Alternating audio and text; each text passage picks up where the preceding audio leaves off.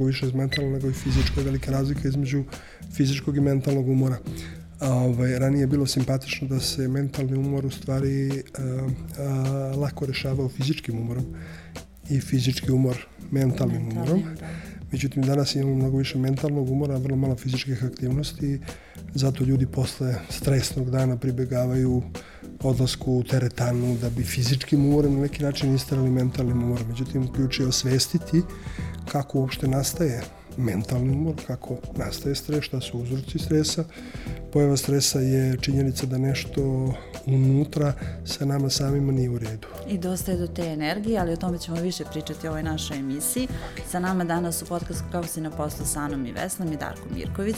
On je motivacioni govornik, on je motivator, on je preduzetnik. E, mnogo je popularan na društvenim mrežama, citiraju ga mnogi, citiraju ga i preduzetnici, citiraju ga i oni koji žele da budu preduzetnici, a mi ćemo u ovom podcastu pričati o tome koliko je važno upravljanje vremenom i šta je to do nas da budemo uspešni. Pa, Darko, kako si ti nama danas?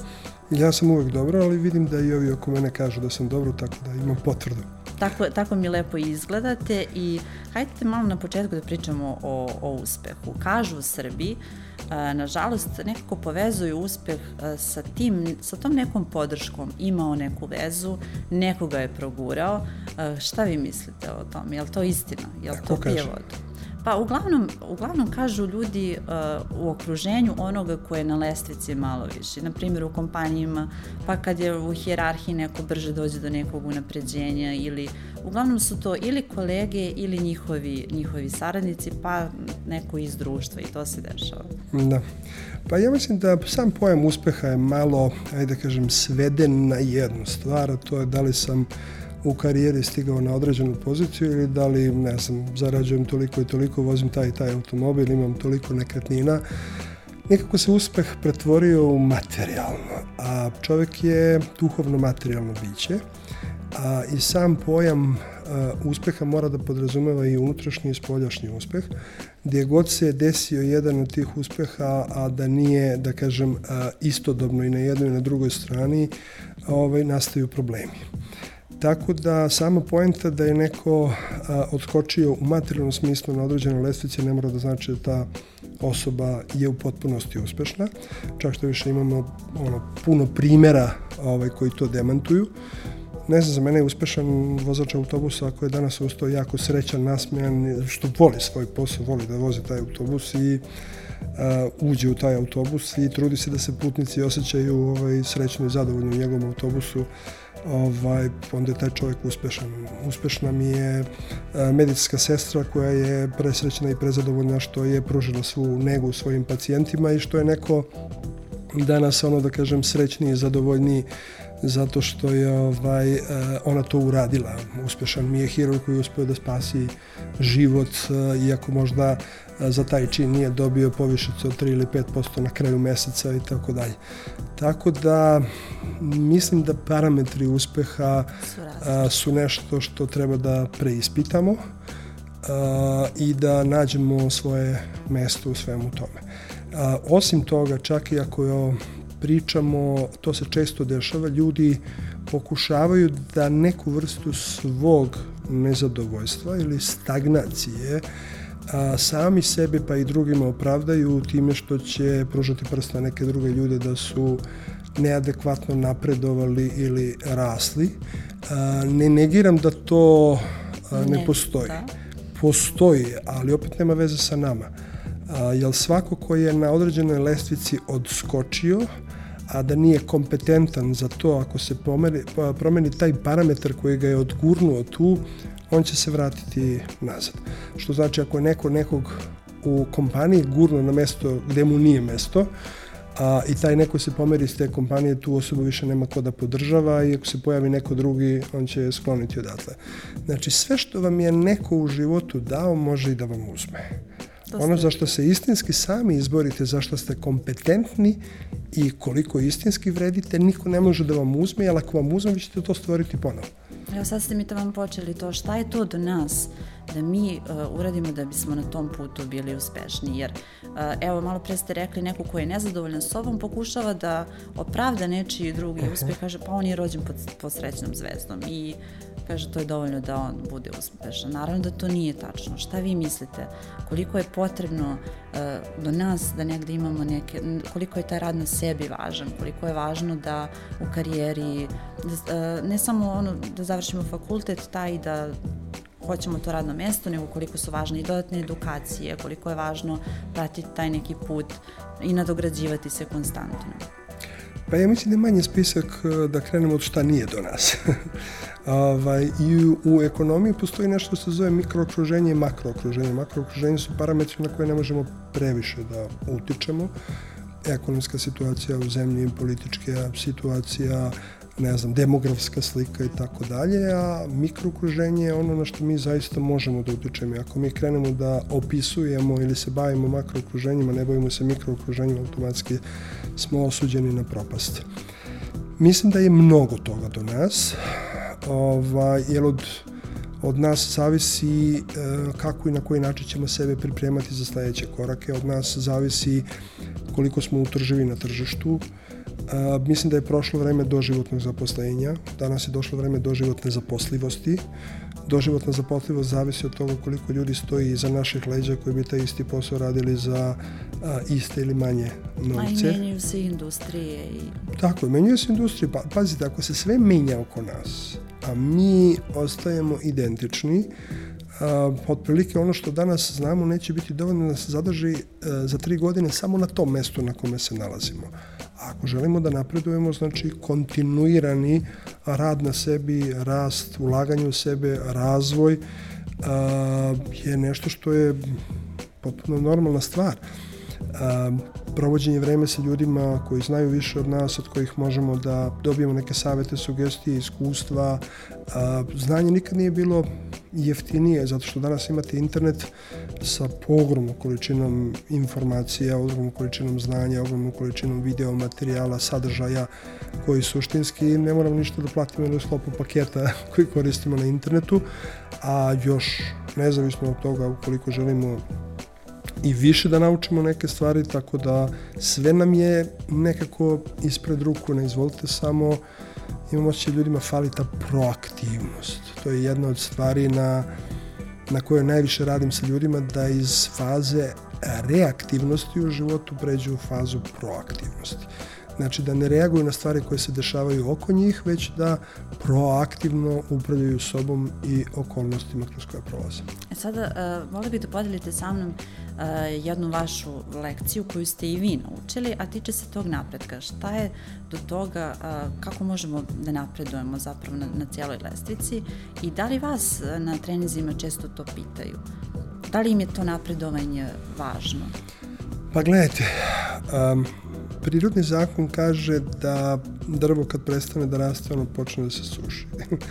Tako isto kod čoveka. Čovek fizički raste do, do određene granice, ali mentalno a, može da raste jako dugo do nekog nivoa života kada kada ovaj, možda ćelije počinju da odumiru pa je jako teško povećati određeni kapacitet. E, neću zaboraviti e, Vladetu Jerotića ima jednu sjajnu izjavu kad su ga pitali kako ste vi u toj godini života tako bistrog uma.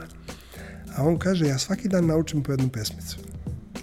Sad pazite, ako čovek u toj godini, u tim godinama života shvata da će vitalnost mozga da održi. a, od, održati a, e, ubacivanjem novog znanja unutra, onda je to jedna sjajna poruka za, za sve ljude. Znači, vitalnost organizma ćemo uh, zadržati vežbanjem i vođenjem računa o, o hrani koju unosimo u sebe, dovoljne količine vode, kvalitetne vode, vitalnost uma ćemo zadržati informacijama koje ubacujemo unutra. Da li ubacujemo svrsishodne, gradivne, pozitivne informacije ili ubacujemo masu negativnih informacija koja se nalazi skroz ovaj, oko nas sa, u najvećem broju slučajeva stvari izbora.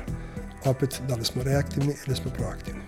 E sada, činjenica je da, da ne mogu sve industrije isto se ponašaju, da je negde plata veća, da su neke, neki poslovi prosto traženi. Da li postoje određene veštine koje, koje biste vi preporučili da se neguju ili da se možda nadograđuju u tom smislu i koje bi to veštine u današnjem vremenu trebalo negovati? Odnosno na čemu raditi? Pa ja sam ona generacija koja pamti Alio Siratanovića koji je bio na novčanici. On je ovaj, dospeo na novčanicu kao udarnik koji je u toku jednog dana, ne znam tačnu cifru, ali iskopao fizički najveću količinu uglje koju je jedan radnik pre toga uradio. A, to je bilo doba fizičkog rada i ako je neko imao jače i veće fizičke sposobnosti, mogao je da bude, hajde kažem, nagrađeniji. E, mi smo iz ere fizičkog rada ušli sve više i više ulazimo u eru umnog rada, gde su e, limiti manji nego u fizičkom. U fizičkom smislu velike su limiti, čovjek ima određene ograničenja. U umnom smislu limiti su manji, ali istraživanja pokazuju da prosječna osoba koristi negde oko 10% potencijala svog mozga, da preko 90% ne iskoristimo na adekvatan način. Naravno da se menjaju tržišne okolnosti, menjaju se određene a, kompanije, menjaju se sfere, međutim, a, problematika sa kojom se srećem kod većine ljudi jeste da oni gledaju šta se dešava na tržištu i pokušavaju da uđu u određeni voz kojim se u određenom trenutku čini bržim, a ne znaju gde su pošli najveći problem kod većine ljudi jeste da sami odluče šta tačno žele u svom životu i onda gledaju koji voz je voz koji ide u smeru onoga što oni zapravo žele u svom životu. Jer može da se desi da neki voz ide brže, ali uopšte me ne vodi tamo gde ja zapravo želim. I onda shvatim da sam a, u tom vozu, ali kad to osvestim, ja sam mnogo odmakao od onoga što ja zapravo želim u svom životu. Možda sam trenutno imao osjećaj da sam se vozio brzo, ali zapravo sam mnogo dalje od svojih želja. Tako da jedna od najvažnijih stvari jeste da ljudi zaista sednu i sami sa sobom se dogovore šta je to što ja zapravo želim u svom životu i onda potraže neke primere, konkretne primere ljudi koji su tamo stigli. Porazgovaraju sa njima koji su to vozovi kojima su oni putovali i koje su to znanje, veštine i sposobnosti njima potrebe da bi mogli da uđu taj voz, da porade na tim znanjima, veštinama, sposobnostima, sasvom se dogovore da će verovati da će stići na tu destinaciju i onda svaki dan, bez izuzetka, kontinuirano rade na tome i jednog dana se nađete tamo. Da, nažalost, ljudi koji to ne osveste na vrijeme ostaju zaglavljeni i po nekoliko godina na poslu koji ne vole. Uh, zbog toga je, evo, malo pre ste baš rekli da je taj umni rad danas malo je drugačiji, odnosno više ga ima nego ranije, da, da je ovo sada ekonomija usluga, nije više nije više kao, kao u nekim prethodnim periodima. E, zbog toga je vrlo važno upravljanje vremenom. E, koji je vaš savet? Šta je danas najvažnije da bismo, da bismo što bolje iskoristili vrijeme na, na poslu i da bi, da bi nekako ta atmosfera bila produktivnija ne samo za nas, nego i za poslodavci, za kompaniju i uopšte za, za opštu privredu? Pa ja mislim da je sam pojam upravljanja vremenom nesrećno pogrešno postavljen. Ne možemo mi da upravljamo vremenom, ono teče određenom dinamikom i mi možemo da upravljamo sobom u tom vremenu. Pod upravljanjem sobom najviše mislim na taj koncept a, a, pozitivnog i proaktivnog razmišljanja, a, jer dete kad se rodi, ono se rodi sa, sa, sa određenim prednostima, pozitivno je i bez ograničenja, ali kasnije tokom odrastanja smo mnogo ta ograničenja dobili, to sam pričao u mnogim podcastima ovaj, ranije, tako da nema smisla da, da to sada ponavljam. A, I mislim da je najvažnija veština ili sposobnost čoveka koja treba da dođe do automatizma ta da kontinuirano ima a, a, pozitivno razmišljanje, da ima kontinuirano pozitivne emocije, da bi sprečio odliv energije, jer ništa više ne umara čoveka od negativnih misli, negativnih emocija.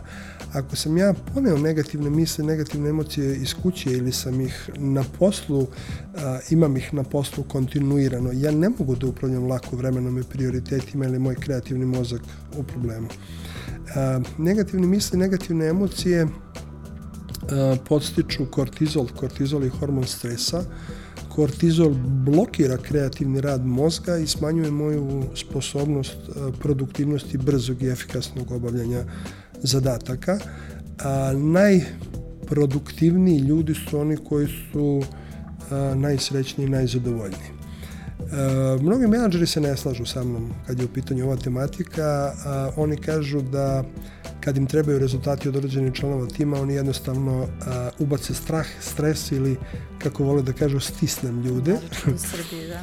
Međutim, ovaj, ja ih uvek pitam, ja kažem, dobro, a, vi stisnete ljude, napravite trenutno određenu vrstu progresa i šta se dešava kada pustite ljude, oni kažu sve se vrati na svoje mesto. Znači, niste napravili promenu, vi ste iskoristili strah kao motivator da biste trenutno napravili neko unapređenje, ali ako sklonite taj okidač, u suštini vi ćete imati pad ovaj, kao što ste imali pre toga. Znači, nije poenta um, koristiti strah, poenta je naučiti ljudi kako da se samo pokreću, kako da se samo motivišu, A, ranije smo imali 80% straha i discipline, 20% motivacije, sada imamo 80% motivacije, 20% straha. Leadership 21. veka najsličniji roditeljstvu, ovaj, što znači da i sa decom tako radimo, pokušavamo da ih motivišemo, usmerimo. Niko nije srećan kad mu je dete tužno, kad je pod stresom, kad je uplašeno, a, već svi vole da mu je dete nasmeno vedro i da se igra od srca. Ovaj, sve što treba da uradimo jeste to preslikamo nekako u poslovno okruženje da bi ljudi imali dobro mesto za rad. Sad ste pomenuli, dosta ste sada pričali o produktivnosti, ali vi na svojim uh, trenizima često kažete ima toga što nam krade vreme, ima, toga, mm -hmm. ima ljudi i stvari koje nam kradu vreme. Kako da se oslobodimo od tog dela? Pa čim niste zaokupljeni svojim poslom, svi vam drugi lako ukradu vaše vreme. Ovaj, mnogo je kradljivaca vremena, najčešće od onih koji a, žele određeni deo posla da prebace vama ili žele određeni deo odgovornosti da prebace vama ili nemaju dovoljno posla na svom radnom mestu i onda savršeno dođu i ukradu vaše vreme.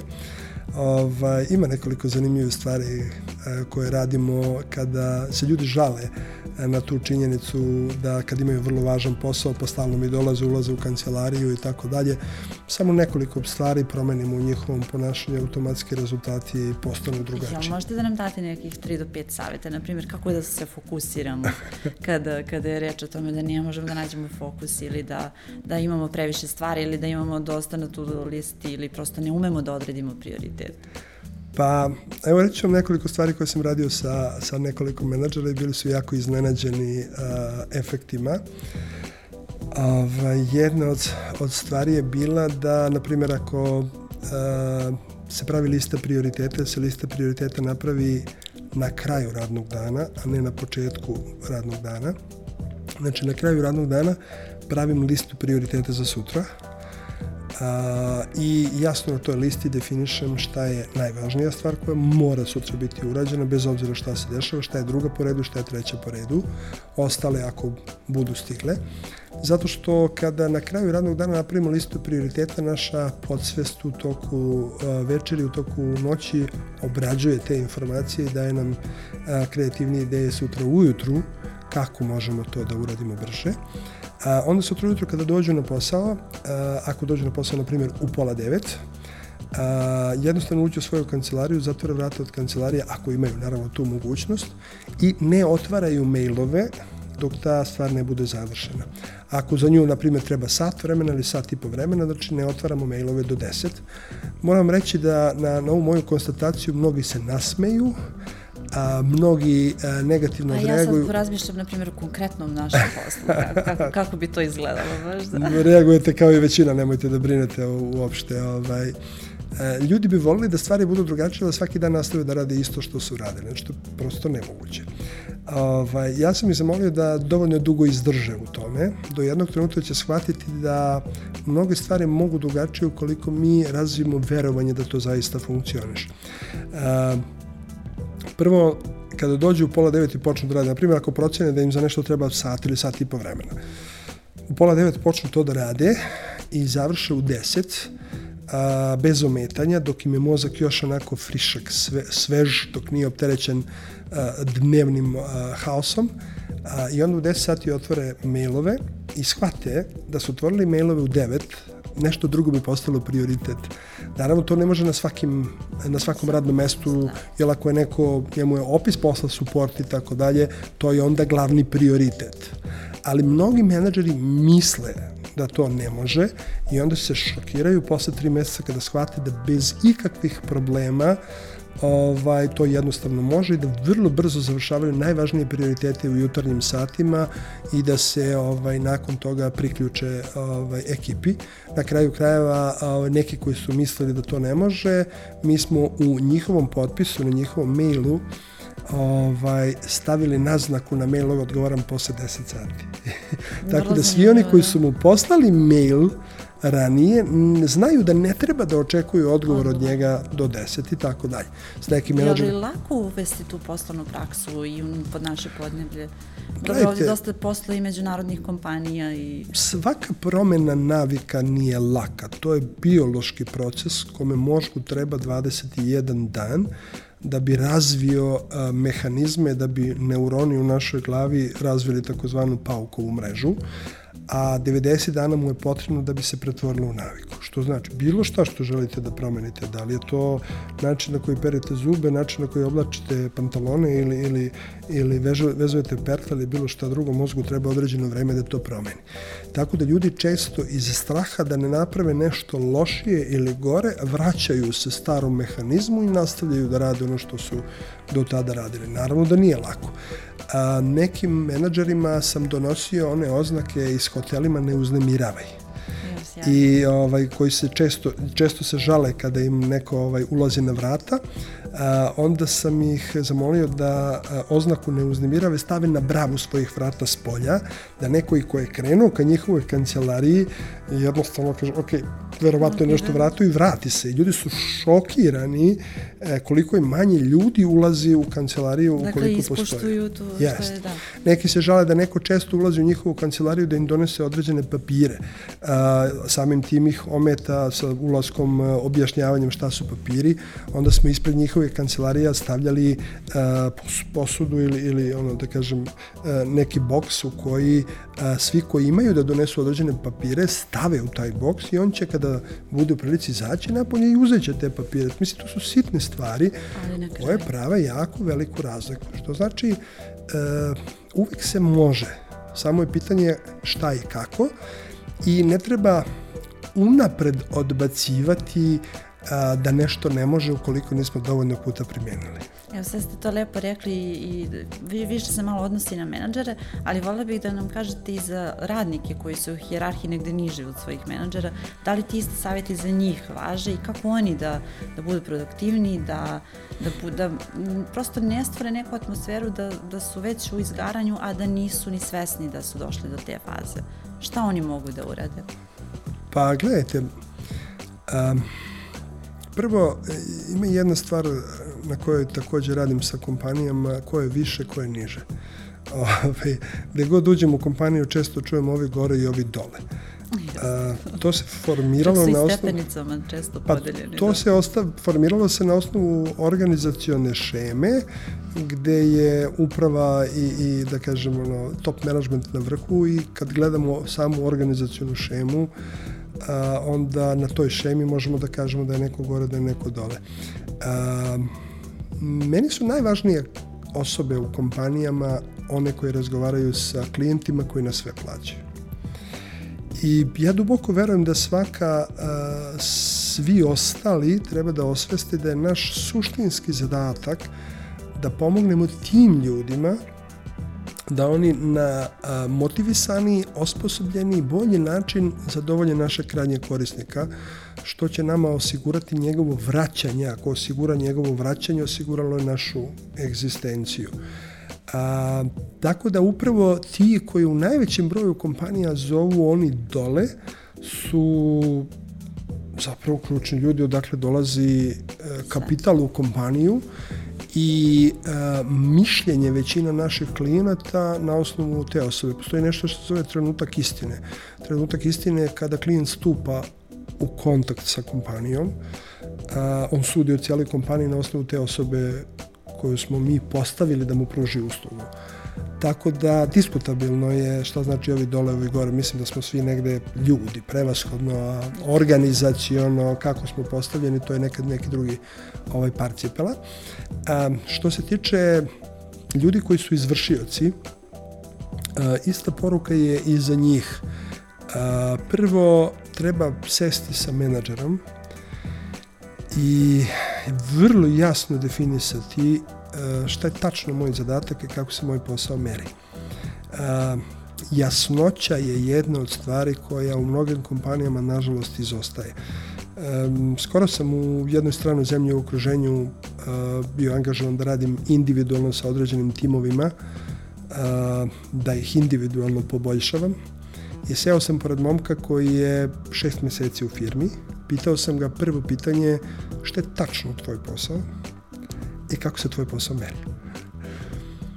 I onda je on ovako zagledao se ovaj, uzbrdo i rekao je um, ja mislim da je moj posao, i sad točno vidim po izrazu lica da ni njemu nije da. kristalno jasno šta je njegov posao.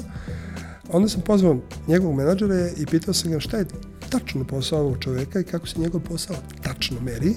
I onda mi je menadžer rekao to, to, to, to, to i to merenje kvaliteta njegov posla je to, to, to i to. Ja kažem, hvala ti puno, možeš da ideš, menadžer odlazi, ja se okrećem prema ovom momku, on zblanut, kaže, ja to uopšte nisam da, dakle, njemu, da. Eto, dakle, to jasno komuniciranje poruka uopšte nije... Tako. Znači, jasnoća. Šta je tačno posao našeg čoveka i kako se njegov posao meri. Ljudi to moraju da znaju. Ako ne znaju, nisu sigurni i stalno ih upozoravaju da nešto nije urađeno kako treba, treba sesti sa menadžerom i reći, ok, šta vi smatrate da su moji ključni prioriteti? kako ja mogu moj posao da obavljam bolje da bi to zadovoljilo vaše standarde i tako dalje. Mnogi ljudi kažu da sa menadžerima ne može da se razgovara jer su, ne znam, nedostupni, nedostupni i tako dalje i tako dalje. A, koliko puta smo pokušali? Koliko puta razgovaramo sa detetom ako nešto ne, ne, ne, ne, ne uradi kako treba. Koliko puta dete razgovara sa roditeljom kad nešto hoće. Da li dete kad traži od roditelja nešto, roditelj kaže ne može dete odustaje odmah. Znači, ako meni nešto smeta, ako mi nešto stresiran posao, ako mi nešto ne odgovara, najgora moguća stvar je da trpim, ćutim i nikog ne pitam i ne tražim instrukcije na tu temu. Osim toga, um, jedna stvar koja me onako baš zadivljuje kad radim sa većim sistemima. Na primjer, često imam takav slučaj u prodaji. Imamo čoveka u prodaji koji pravi vrhunske rezultate. I imamo čoveka koji pravi prosječne ili loše rezultate. Znači, gotovo se nikad ne desi da čovek sa lošim rezultatima sam ode kod kolege sa vrhunskim rezultatima i kaže šta ti to radiš? kako to da ljudi od tebe kupuju, od mene ne kupuju, uh, jednostavno, ono, hoću da, da, da, da, da, hoću da naučim od tebe. A i to deljenje znanja kod nas nije uopšte ustavljena praksa. Pa ne traže ga ljudi. Da. To jeste jedan od najvećih izazova. Ja, na primjer, u radu sa preduzetnicima i sa, sa, sa menadžerima a, koji su onako ozbiljni, na ozbiljnim pozicijama, a, ja ne znam da li sam ikada doživio da ih nešto pitam ili tražim od nje da su mi rekli ja ne želim da ti dam to znanje ili ne želim da ti kažem. Svi mi oni kažu da ih gotovo niko ne pita kako neke stvari mogu da urade bolje. Dobro, zato ste vi tu da ohrabrimo ljude da, da nekada i pitaju onog čega se plaše i da dođu do menadžera i da se to nekako znanje podeli uh, međusobno i da ne bude neki posle na kraju problema da nisam znao, nisam pitao, a da ljudi daju otkaz ili odu, a da nisu pokušali. Pitaću sedam da. puta. Znači, moramo da podstaknemo tu proaktivnost. Čim je proaktivnost na delu, smanjuje se mogućnost da dođe do nekog problema. Čim tražim preciznu informaciju a, o mom poslu i dobijam instrukcije i pridržavam se tim instrukcijama, ja smanjujem verovatnoću da mi neko sutra na bilo koji način kaže da nešto ne radim kako treba. Naravno, kad pričam ove stvari na predavanjima, uvek postoji neko ko ne veruje da je to moguće. I to je njegova realnost. On je prihvatio da veruje da se ništa ne može promeniti i neki ljudi ne žele da se menjaju. I meni je to okej. Okay to je stvar izbora u životu. Ali onda možda... Mo, Ali nemoj bar da se žališ onda. Da. Ili onda taj tim nije za tebe i da... Nemam nikakav problem sa time. Mene ljudi često pitaju, a jel možete vi e, svima da pomognete da se promeni. Ne mogu, to, to, to je absurd. Ja ne mogu da, promeni, da pomognem osobi da se promeni koja ne želi da se promeni ili smatra da ne treba ništa da promeni. Mislim, ne može moja želja, moja volja i moj motiv da bude jači od te osobe. Ali uvek kažem, legitimno je da čovek ne želi da se menja. Ali onda nemojte se žaliti. Nemojte svoje nezadovoljstvo da prenosite na druge ljude, zato što je ono nastalo kroz vaš izbor. Vi da. ste odlučili da ne želite da se menjate. I tu nekad bude i suština problema koju, koju često ne vidim. Hvala vam Darko puno na, na gostovanju, da podijeli ste nam baš konkretne savete o tome kako biti i produktivni i šta nam to krade vreme i kako da komuniciramo sa našim menadžmentom, a vi nas gledajte i sledeće nedelje, čitajte na Telegram biznisu, slušajte na Spotify, Google i Apple platformama i gledajte na, na YouTube-u. Hvala vam. Uh, htela sam da vas pitam uh, gde još ljudi mogu da vas prate i da vas slušaju? Pa ja nisam previše... Osim na vašim društvenim mrežama. Na društvenim mrežama i krenut ćemo sa nekim serijalom, emisijama.